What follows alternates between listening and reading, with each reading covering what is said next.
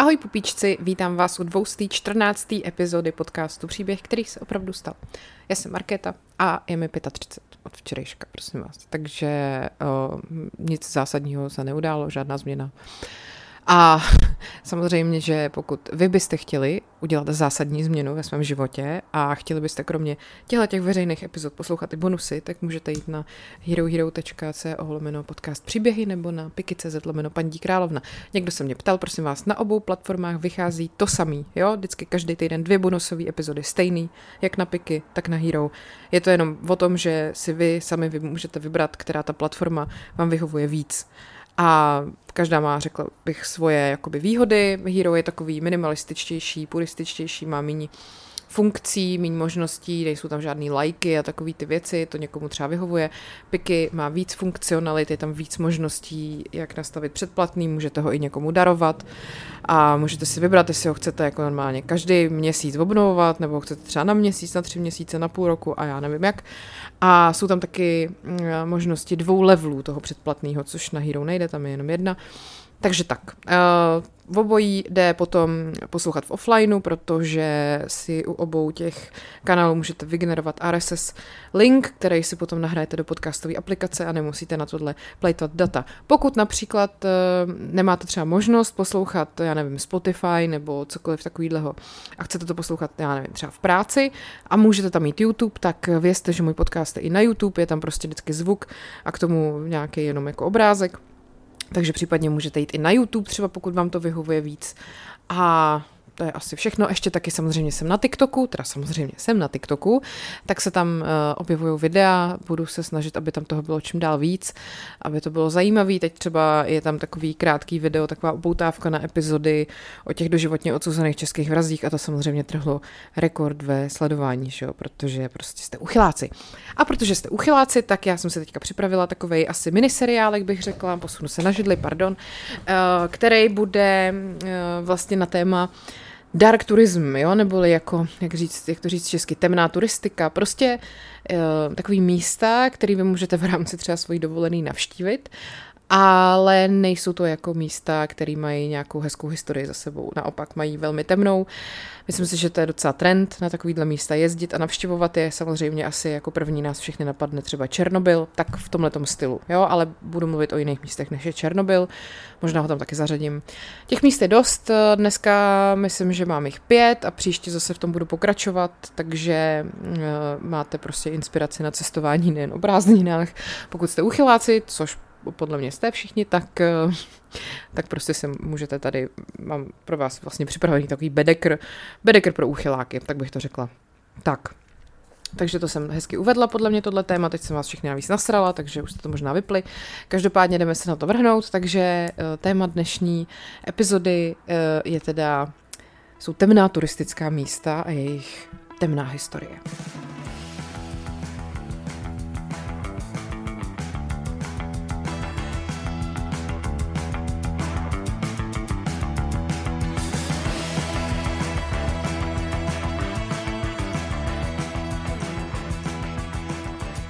No, prostě si myslím, že je to tak, že jak jsme všichni takovýhle, jsme prostě zvědaví, zajímají nás, fascinují místa, kde se odhrály nějaké tragické události, je to nějakým způsobem přitažlivý.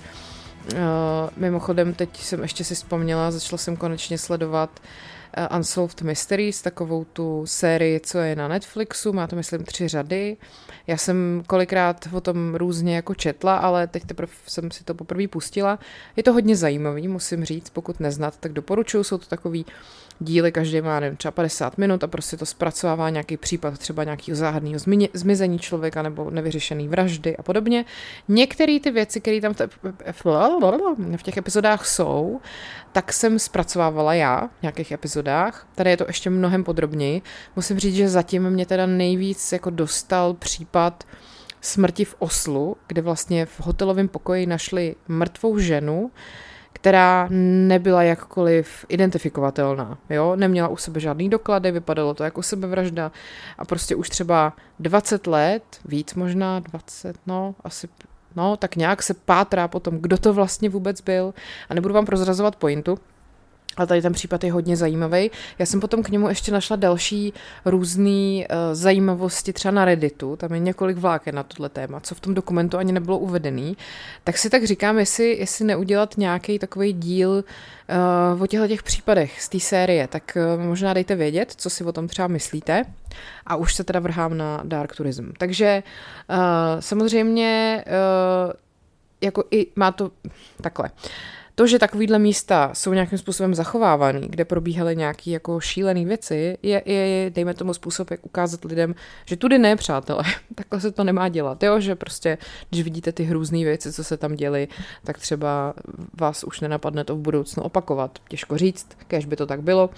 Uh, Každopádně uh, tyhle ty místa, o kterých budu mluvit, jsou nějakým způsobem propojený se smrtí, skázou, mučením, katastrofama. Je to samozřejmě morbidní, ale možná byste se divili, uh, kolik míst s takovýhlema konotacemi už jste doteď navštívili a někdy vám to jako nedošlo, že jo? Například londýnský Tower, který je prostě plný mučíren a různým, různých jako příběhů o fakt různých událostech, nebo římský koloseum, kde prostě ty smrtící gladiátorský zápasy v podstatě byly ty nejkrvavější jako sporty v uvozovkách v historii. Ale my je prostě považujeme za historické památky a takýmhle stylem třeba o nich jako nepřemýšlíme. Tak je možná na čase třeba o některých místech tak to přemýšlet. Samozřejmě, že asi to chce, když už na takových místech jste, zachovat nějakou, nějaký respekt vůči tomu místu a vůči těm lidem, kteří tam trpěli. Takže možná si nedělat úplně selfiečka. Vím, že ty vole, kdo to, o kom jsem to mluvila nebo četla nebo slyšela, že, že si dělal selfiečka v osvětě, jo, tak přesně o tom mluvím. Prostě jsou věci, které si myslím, že na určitý místa jako nepatří. Ale to je můj názor.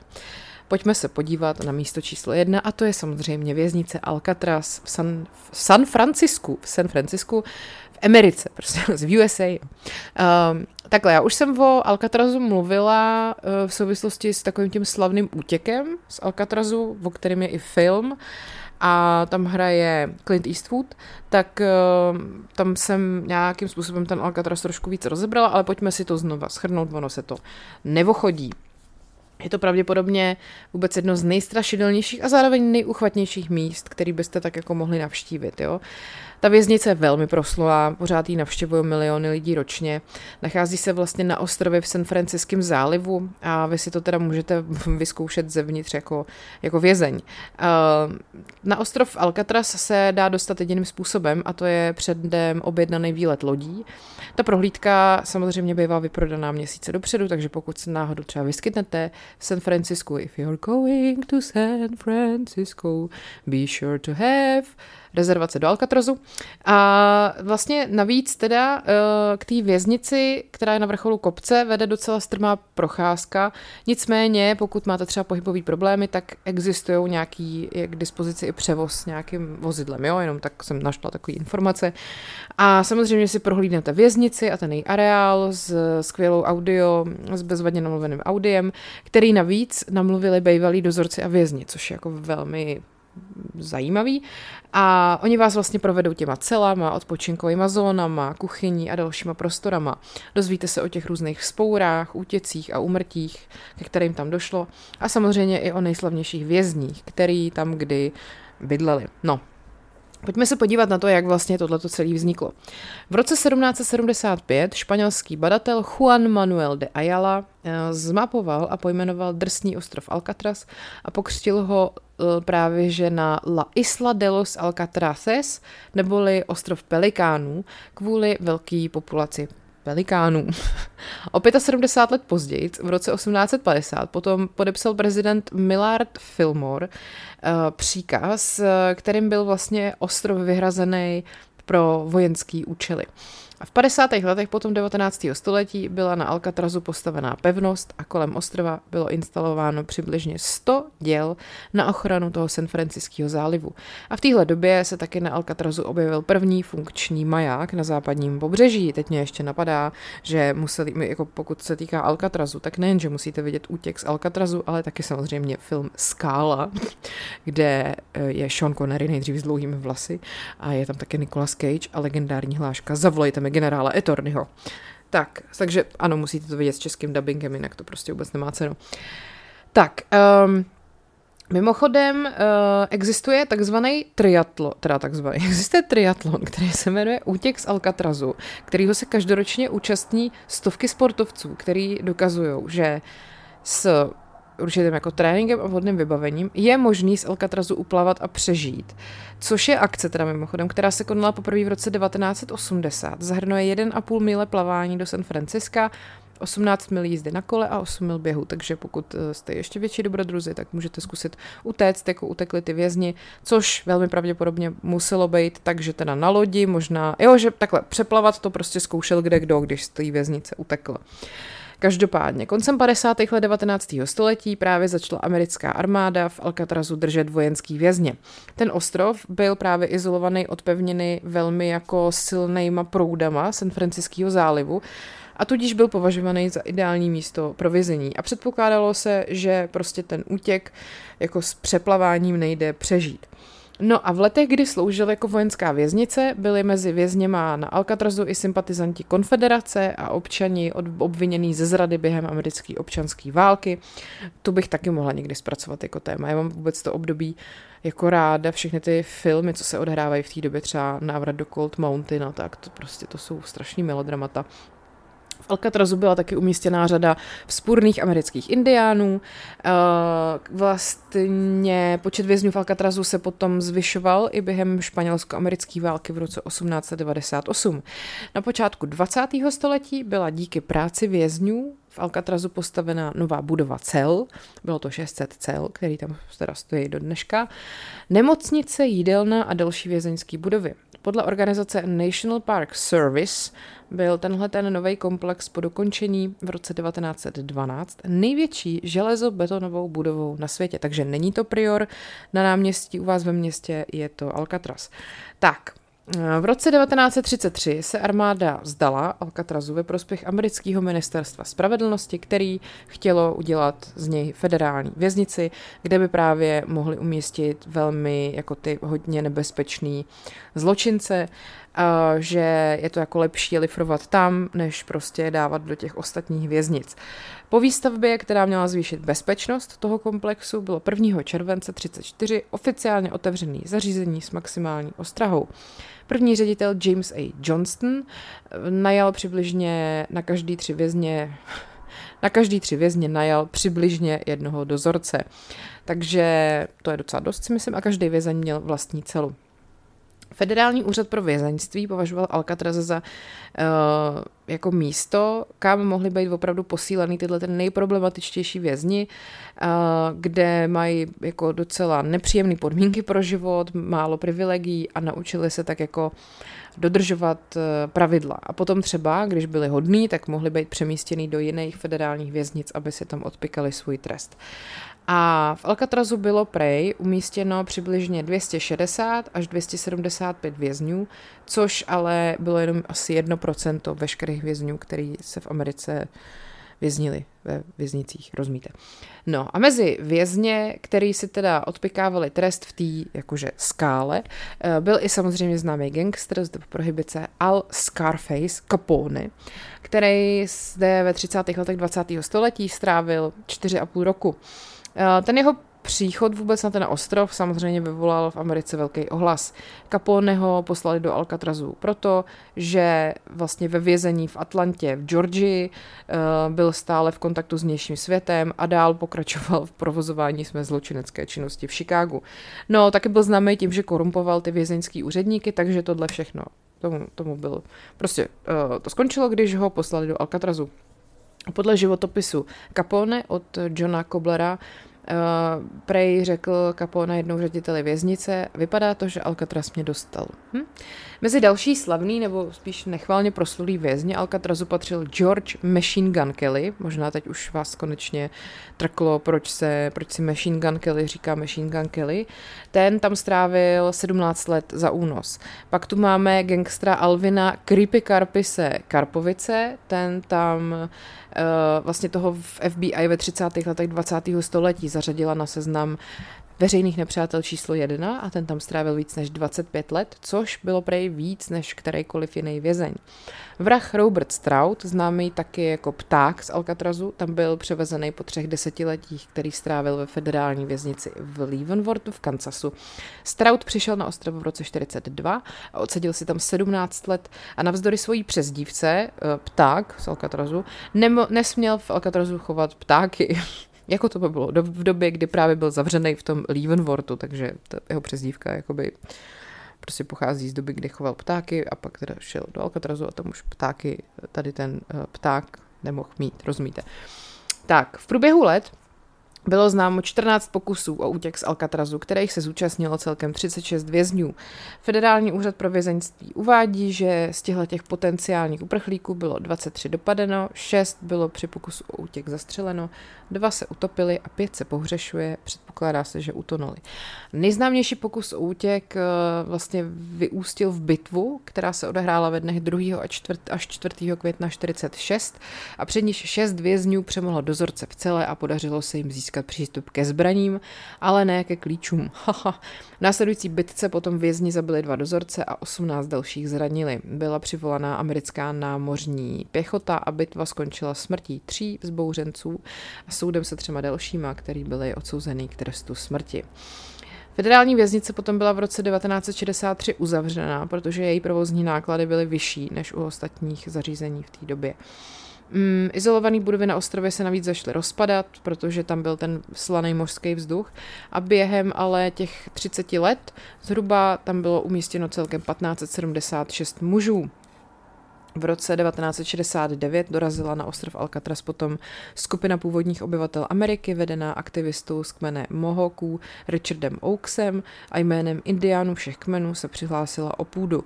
A ty aktivisti doufali, že na ostrově založí univerzitu a muzeum. Oaks potom opustil Alcatraz poté, co tam zemřela jeho nevlastní dcera a ty zbývající okupanti, který furt jich bylo míň a míň, byli v roce 71 na příkaz Richarda Nixona odstranění nevím, co znamená přesně odstranění, no snad jenom přestěhovaný. V roce 72 se potom ostrov stal součástí Národní rekreační oblasti Golden Gate a o rok později byl otevřený veřejnosti, takže tolik asi o Alcatrazu. Jak jsem říkala, takový ten slavný útěk z Alcatrazu uh, jsem už rozebírala asi v bonusové epizodě. Ne, myslím, že v normální public epizodě, ale už je to dávno, dávno. To si myslím, že bude někde v první stovce ještě tak si to když tak zkuste najít. Tak, jdeme na druhý místo. A je to hrad Gravenstein, který je v Chentu v Belgii. A tady chci říct uh, moje velké mrzení. Já jsem v Chentu byla. Chent je nádherný město, neuvěřitelný. Ale já jsem prostě nebyla na hradu Gravenstein a teď si to jako vyčítám, protože to očividně opravdu stojí za to. Uh, je to teda klasický příklad těchto těch temných turistických míst, protože prostě má za sebou velmi jako brutální minulost. Byl postavený už v roce 1180 a sídlil tam flanderský hrabě a pak se teda z toho Gravensteinu stal soud, vězení a dokonce i továrna na bavlnu. A vlastně to, co jako návštěvníky opravdu na ten hrad láká, jsou právě takový temný hororový příběhy o mučení, jo? Protože při návštěvě toho hradu projdete mučírnama a uvidíte nejrůznější nástroje, které se ve středověku používaly k trestání zločinců. Eh, ve zdech toho hradu umřelo hodně lidí těma opravdu nejděsivějšíma způsobama, což samozřejmě dotváří onu temnou, strašidelnou atmosféru. A mm, myslím si, že eh, to je takový ten pocit, co každý nějakým způsobem divně jako chce, ačkoliv je to creepy a hnusný a temný, tak jako stejně zatím jdete. To je, když prostě se moucha lepí na bonbon, nebo mm, když prostě nějaký hmyzy jdou ke světlu na žárovku třeba a spálí se. To prostě vás to láká, i když víte, že prostě vám to ublíží, rozumíte? No, uh, každopádně, bezplatný audioprůvodce vlastně vám všechny tyhle ty příběhy uh, nějakým způsobem odvypráví. Můžete se tam teda i seznámit s historií toho Chentu a navíc teda to město jako samo o sobě velmi doporučuji, protože to jsem jako nikdy asi neviděla něco tak jako zvláštně architektonicky udělaného. To fakt se musí vidět naživo. Každopádně jak to bylo v té historii. Hrabata z Flander ovládala region po většinu středověku a v 9. století postavil Baldwin II., vlastně Alec Baldwin II., na místě dnešního hradu dřevěnou pevnost. To nešlo prostě odolat, která byla vybudovaná na obranu uh, toho místa před vikingama. A v roce 1118 ten hrad vyhořel asi nešťastnou náhodou. A hrabata potom tu pevnost přestavila z kamene v gotickém stylu a předpokládá se, že potom to bylo dokončený ze vlády hraběte Filipa Alsaského. A pevnost vycházela z hradů, který byly postavený v různých křižáckých státech, třeba v Izraeli nebo v Libanonu. A mm, vlastně od roku 1180 do roku 1350 teda tam žila ta flanderská hrabata, žila ve velkém přepichu a bohatství a když se potom hrabata přestěhovala, eh, ale byla rostomilý, tak eh, hrad zůstal jako důležitý vojenský místo. A v pevnosti byly teda vyslíchaný vězni a spousta z nich bylo mučeno. E, v nejvnitřnějším vězení pod pevností zažívali zajatci i na, poměru, na poměry středověku hrůzná muka. Byli natahovaný na skřipec a do ruky, pardon, do krku jim trichtýřem lili vodu, dokud nenapuchli. Uh. Strašlivýmu týrání byly vystaveny i duševně nemocní lidi, které jim třeba do pusy dávali dřevěnou kouli, nebo takovou, ne kouli, takovou prostě dřevěnou věc ve tvaru hrušky, kterou upevnili jako provazem kolem hlavy, aby ty lidi prostě nemohli vydávat zvuky. Jo?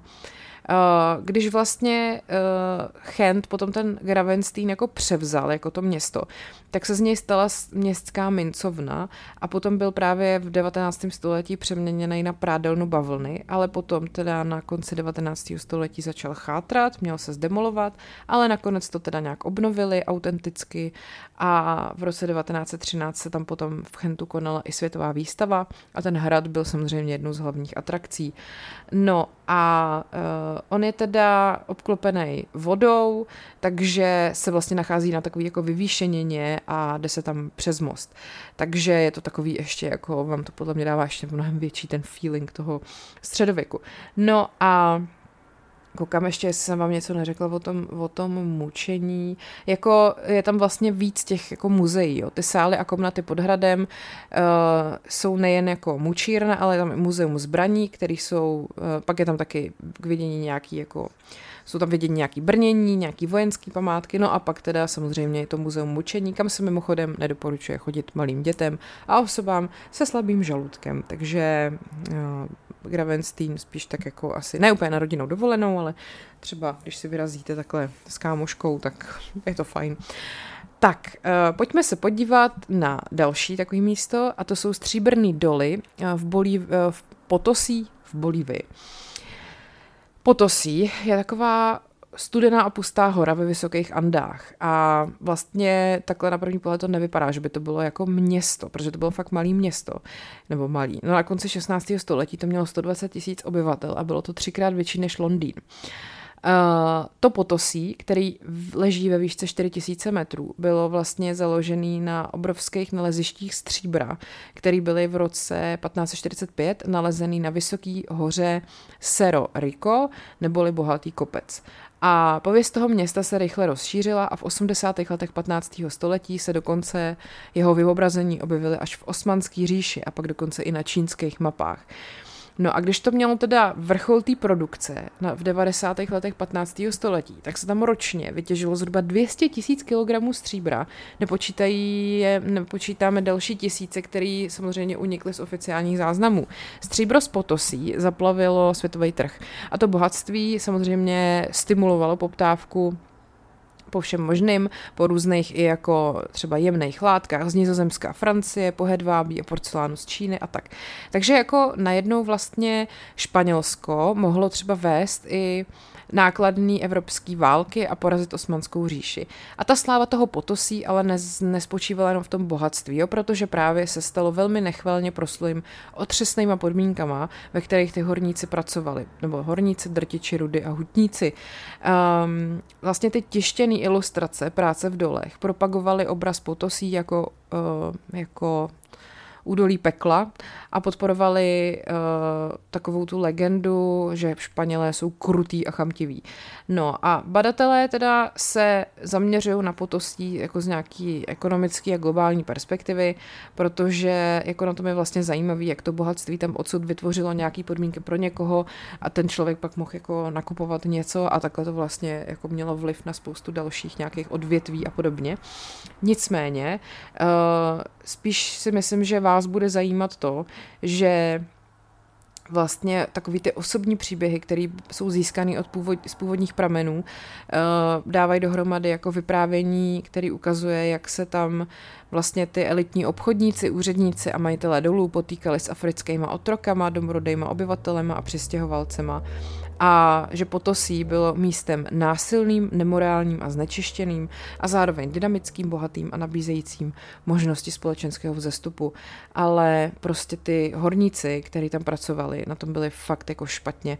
Uh, vlastně někdo tvrdil, Eduardo Galeano konkrétně, v knize Otevřené žíly Latinské Ameriky, že tam uh, zemřelo celkem 8 milionů lidí, ale to je asi moc. Nicméně ta práce v dolech uh, jako byla šílená a ten počet obětí byl vysoký. Uh, a nebyly to jenom lidský oběti, uh, šlo i o to, že třeba od roku 1570 se ročně schromažďovalo 13,5 tisíce mužů z domorodých vesnic od Kuska v Peru až po Tarifu v dnešní Argentíně, takže to narušilo zemědělskou činnost, rozdělilo to rodiny, rozvrátilo to komunitní život a tak dále a tak dále.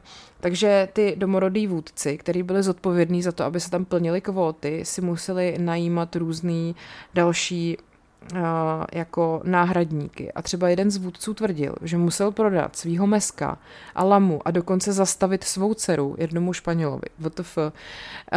Samozřejmě, že ekologické důsledky byly taky katastrofální, protože ta krajina je znečištěná a zjizvená, jsou tam záplavy, nedostatek potravin, epidemie.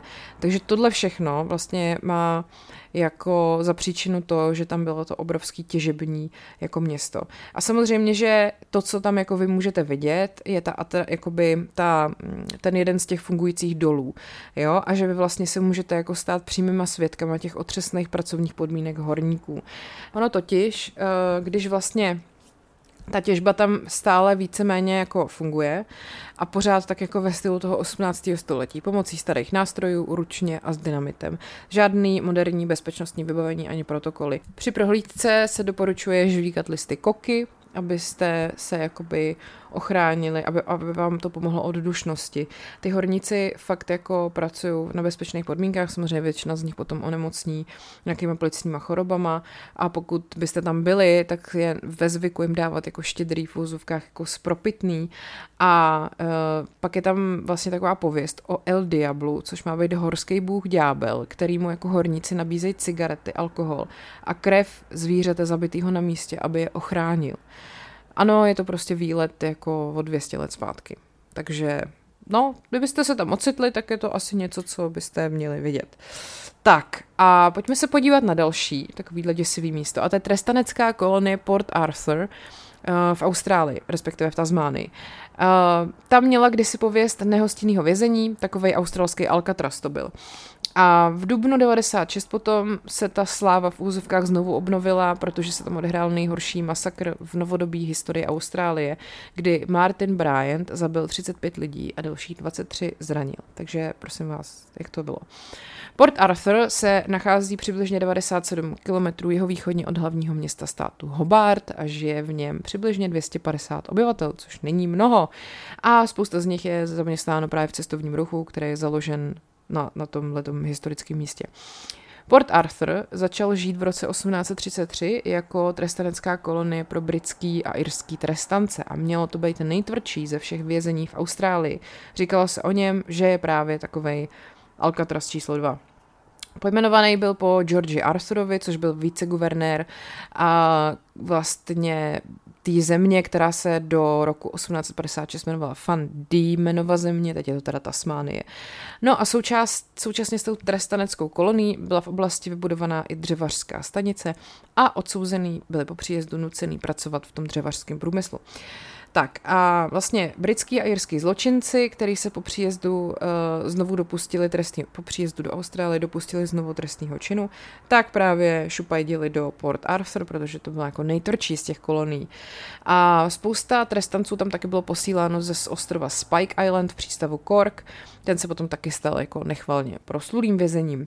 A říkalo se, že Port Arthur má nejpřísnější bezpečnostní opatření v britském trestním systému a útěk byl údajně nemožný.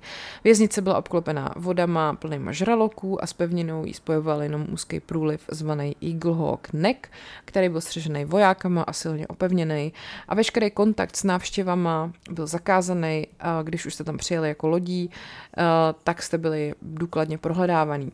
Jedním z odsouzených, který uprchli, byl Martin Cash, původem z irského Enniscorty, který 26. prosince 1842 uprchnul z pracovní skupiny spolu s dalšíma dvouma odsouzenýma a v září následujícího roku potom ho dopadli poté, co v Hobartu zabil člověka. To je debil prostě, tak uteču z vězení, tak aspoň chvíli nic nedělám, ne? K dalšímu pokusu útěk došlo, když se George Billy Hunt převlíknul, převlíknul za klokana a pokusil se uprchnout přes Eaglehawk Neck. Stráži se ho pokusili zastřelit a on potom jako takhle, oni se ho ale pokusili zastřelit, protože si mysleli, že je klokan skutečný, aby jako si uh, jako našli potravu. No tak on prej odhodil převlek a odhalil se. Bohužel jsem nenašla, jak to s ním dopadlo. Uh, věznice potom byla rozšířená v roce 1855 a měla tvar kříže. V každém rohu se nacházely vycházkové dvory s křídlama napojenýma na centrální jádro. Věznice využívala typologii oddělených věznic, eh, kterou prosazoval anglický filozof Jeremy Bentham. Tresty byly spíš jako psychologický než fyzický, protože ty tělesné tresty byly ku podivu v 19. století považovaný za méně účinný na ty otrlý zločince a nebyly považovaný za vhodný. Takže spousta psychologických trestů jako zbavení světla a zvuku působily u těch lidí uh, mnohem jako horší muka a vlastně tudíž hned vedle věznice vybudovali blázinec, že jo. Děsivý přijde, že podnebí eh, bylo pro odsouzený z britských ostrovů teda příznivější, než bylo v jiných věznicích, kde eh, se třeba, kde to bylo jako víc náchylný k šíření nemocí, jako je malárie a tak. Ale i takhle, na tom takzvaném ostrově mrtvých, eh, když se spočítá jako kolik je tam hrobů, tak celkem 1646 a pouze 180 z nich je označeno, což byly zřejmě jako zaměst, nebo byli zaměstnanci. No a přeprava trestanců potom byla ukončena v roce 1853 a v roce 1877 Port Arthur uzavřeli a uh, celkem za tu dobu tam bylo posláno 75 tisíc trestanců což je teda masakr. A věznice Port Arthur potom byla v roce 1889 prodaná, potom co ji teda několik let nechali tak jako v rozkladu. A noví majitelé potom začali ty budovy bourat a požáry v letech 1895 až 7 zničili tu starou věznici. Pak se tam taky konalo pár zemětřesení, což nepomohlo. No a oblast se potom a nedokázal opět distancovat od této svý šílené minulosti a na ty ruiny té věznice furt upozorňovali různý duchařský historky. Takže uh, vlastně vznikly na tohleto konto i romány od Markuse Clarka po dobu svého přirozeného života nebo Široký šíp od Caroline Leakyový. A v roce 1927 potom bylo rozhodnuto, že se vrátí název Port Arthur a v roce 1916 tu lokalitu převzala tzv. Rada pro ochranu krajiny, která ji zpravovala až do 70. let 20. století, pak ji převzala Národní zpráva parků a divoké přírody. Dneska je Port Arthur jednou z nejnavštěvovanějších historických památek v Austrálii. Navštíví až 250 tisíc návštěvníků ročně. A 31. června 2010 se stala součástí uh, památek UNESCO. No a teď, jeden z nejtemnějších dnů v historii Port Arthur uh, se odehrál 28. dubna 1996. 28-letý Martin Bryant z Hobardu, Hobartu vešel odpoledne do kavárny Broad Arrow Café v areálu a začal střílet do lidí. Zabil 12 lidí a další 10 zranil, než se přesunul do obchodu se suvenýrama. Tam zabil dalších 8 lidí, než odešel na parkoviště. Přesunul se k čekajícím autobusům a začal střílet do turistů. Potom nasedl do auta a odjel zpátky ke vstupní mítní, br- vstupní mítný bráně. Tam cestou zabíjel další lidi, včetně dvou dětí. Dalšího člověka zabil na daleký čerpací stanici a jeho poslední oběť. Uh, vlastně když se vracel na místo svých prvních vražd do domu manželského páru, který vinil za sebevraždy svého otce v roce 93. A uh, celkem Martin Bryant teda zabil 35 lidí a 23 zranil a byl odsouzený k 35 doživotním trestům nepodmíněně. Takže to je dost, no. tak uh, to je uh, místo, které byste měli navštívit, pokud se vyskytnete v Austrálii, potažmo v, v Tasmánii. A na tom místě ty věznice jsou ty původní budovy a ty prohlídky, které vysvětlují historii toho místa. Tak a poslední dnešní místo, o kterém vám chci říct, je Muzeum okupace uh, Lotyšska v Rize. Je to muzeum okupace nebo muzeum KGB taky, uh, který byste mohli snadno přehlídnout, protože se mu taky říká nárožní dům nebo prostě dům na rohu. A je to zvenčí taková docela uh, jako stylová obytná budova. Jako nevšimli byste si toho baráku nějak, jo. A vypadá tak jako elegantně, je to natřený šedou barvou, má to takový bílý obložení, šest pater a uh, prostě nic jako zajímavého. No ale když teda vejdete dovnitř, tak uh, už je to trošku něco jiného. KGB, která sídlila v téhle budově, uh, tam dělala ty nejhorší věci. Věznili lidi celý měsíce, vyslýchali je, mučili a buď je na místě rovnou zabili, nebo je posílali do pracovních táborů na Sibiř. Už když tam vlezete, tak dveře nejsou úplně klasické dveře, uh, protože je to spíš taková klec, asi proto, aby se dalo zabránit lidem zvenčí ve vstupu, nebo aby lidi, kteří tam vstoupili, už nemohli odejít. Um, v té první místnosti, kterou najdete, je poštovní schránka, do níž uh, lidi tehdy v sovětském, řekněme v období Sovětského svazu, vhazovali lístky s dotazama na svoje blízký uvězněný nebo pohřešovaný, s žádostma, uh, s udáním na, nebo taky s žádostma na udáním s žádostma, ve kterých bylo udání na osoby, které byly neloajální vůči Sovětům. Výstava historie operací KGB v Lotyšsku v přízemí vypráví o historii budovy a o činnostech eh, tzv. Čeky, neboli jejich verze KGB, eh, v téhle budově v letech 40 až 91. Eh, většina z toho jsou různý jako velký panely s textem a fotografiemi. No, ale potom teda samozřejmě, když se posunete dál, tak už najdete i jako prostory, ve kterých se to vyloženě jako dělo. Samozřejmě, že my asi toho, nebo takhle, asi jako průměrný Čech toho nevíme moc o tom, co se dělo v Lotyšsku v době Sovětského svazu, takže to si myslím, že by mohlo být zajímavý, ačkoliv si myslím, že to nebude o moc jiný, než jak to vypadalo u nás. Každopádně, eh, ten barák byl postavený v roce 1912 a v přízemí byly obchody a nad nimi byty. Ale netrvalo to dlouho, protože v roce 1918 potom až 20 proběhla lotyšská válka za nezávislost, která uh, byla vlastně právě bojem mezi tou nezávislou lotyšskou republikou a nově vzniklým sovětským svazem. No a potom vlastně v roce 1919 tu budovu krátce využíval lotyšský revoluční válečný výbor. V roce 1920 potom nová vláda nezávislého Lotyšska tu budovu převzala a 40 až 41 Sovětský svaz prostě přišel a anektoval Lotyšsko. To asi nikoho nepřekvapí. Budovu převzala Čeka, což byla tajná policie předchůdkyně KGB. To trvalo pouze rok, potom tam přišli nacisti, aby se to nepletlo a obsadili to a považovali vlastně to místo za dobitou součást Sovětského svazu. Takže tu budovu potom okupovala skupina mládeže s názvem Národní stráž a loutková vláda, kterou jmenovali nacisti.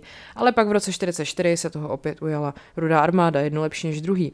No a potom teda přichází rok 1944, kdy se toho ujímá KGB neboli Čeka. Eh, ta získala eh, tu budovu a používala ji jako své sídlo. A Sověti se zabývali tehdy eh, masovými deportacemi Lotyšů na Sibiř, hlavně teda členů různý, nebo takhle členů předválečný nezávislý lotyšský vlády, samozřejmě všech, který jako považovali za jakýkoliv riziko. A spousta z těch lidí tam teda nejdřív byla uvězněná v té budově. A název té tajné policie se několik, několikrát změnil a později teda to byla ta KGB. No a až v roce 91 Lotyšsko získalo nezávislost na Sovětském svazu a od roku 2014 je v přízemí právě instalovaná ta výstava.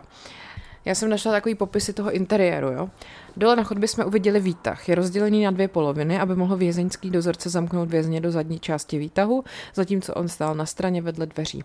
A chodba za výtahem byla, no nejlepší slovo pro ně je ponurá. No. Uh, možná se mi to jen zdálo, ale už na začátku prohlídky jsem měl pocit, že je to místo plné duchů.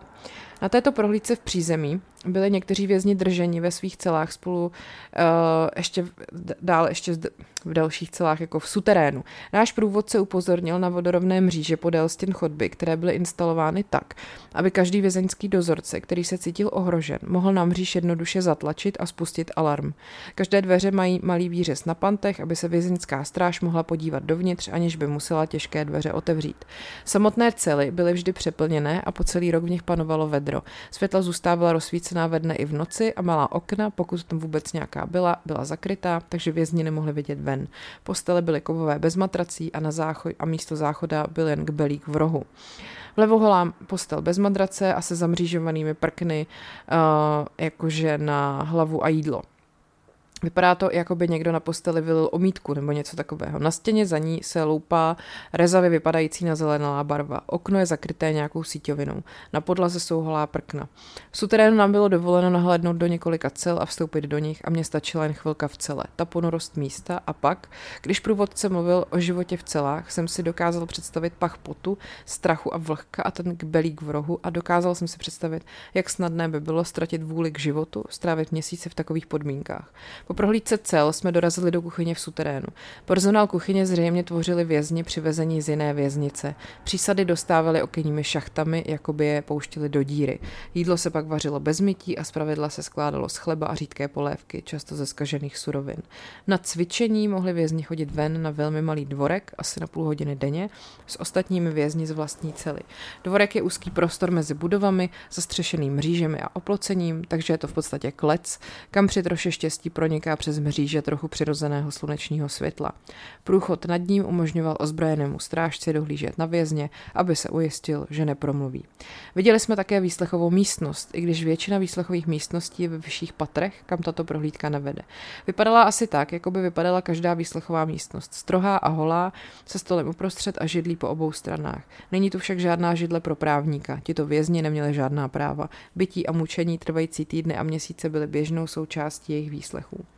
Procházíme nádvořím budovy a vcházíme do garáže, kde se konaly popravy. Před touto zdí stály za dobu existence centrály KGB stovky lidí a čekali na kulky. Krev je pryč a zeď byla po získání nezávislosti zakryta a poté rozebrána pro muzeum, ale žluté skvrny označují zbývající díry po kulkách. Zeď má viditelné vrstvy. Asi třetinu z ní tvoří vodorovné dřevěné desky vlevo. Prostřední polovina je z cihel před dřevěnou vrstvou, takže cihlová zeď končí nervným svislým řezem. Před cihlami je další vrstva. Dřevěná nebo sádrokartonová nebo tak nějak, na které se loupe světle zelená tapeta. Vpravo je malý úsek dalšího dřeva, tentokrát spíš nahoře. Zde jsou dřevěné desky svislé. Po obou vrstvách dřeva jsou malé žluté a několik červených teček. Skupina, ke které jsem se při prohlídce muzea připojil, byla stále tiší a tiší, jak jsme se při této prohlídce přesouvali z místnosti do místnosti a představa, že stojíme na místě, kde bylo tolik lidí chladnokrevně zabito, nás zcela umlčela. Když jsem šel do muzea KGB v Rize, očekával jsem něco podobného jako muzeum Štásy v Berlíně. Místo, kde je zlo zakukleno v byrokracii, technice a všednosti. Tohle bylo mnohem niternější. Návštěva místa, kde docházelo k takovému násilí a potlačování ducha. No, uh, kdybyste chtěli možná trošku, ne úplně takhle silný, ale asi podobný zážitek u nás, tak vím, že třeba pracovní tábor v Příbrami tábor Vojna má takovou taky prohlídku, kde můžete vidět ty cely a všechno, tak to mě napadá. Jinak nevím, kde se u nás dá něco takového vidět, jestli vůbec. Pokud jo, tak mi to napište. A to je teda asi pro dnešek z temné turistiky všechno a příště budeme pokračovat. Budu mluvit o jednom parku v Indii, budu mluvit o jedné jeskyni v Laosu, pak tu mám katakomby v Paříži, kde jsem byla, Leninovo mauzoleum samozřejmě, náměstí nebeského klidu v Číně a dál a dál a všechno. Máme tady toho ještě spoustu. Takže uh, doufám, že vás to bavilo, mně to přijde zajímavý a Děkuji vám teda za pozornost, užívejte si léto, mějte se hezky, opatrujte se, používejte spoustu opalovacího krému a ať váš život příběh, který se opravdu stal.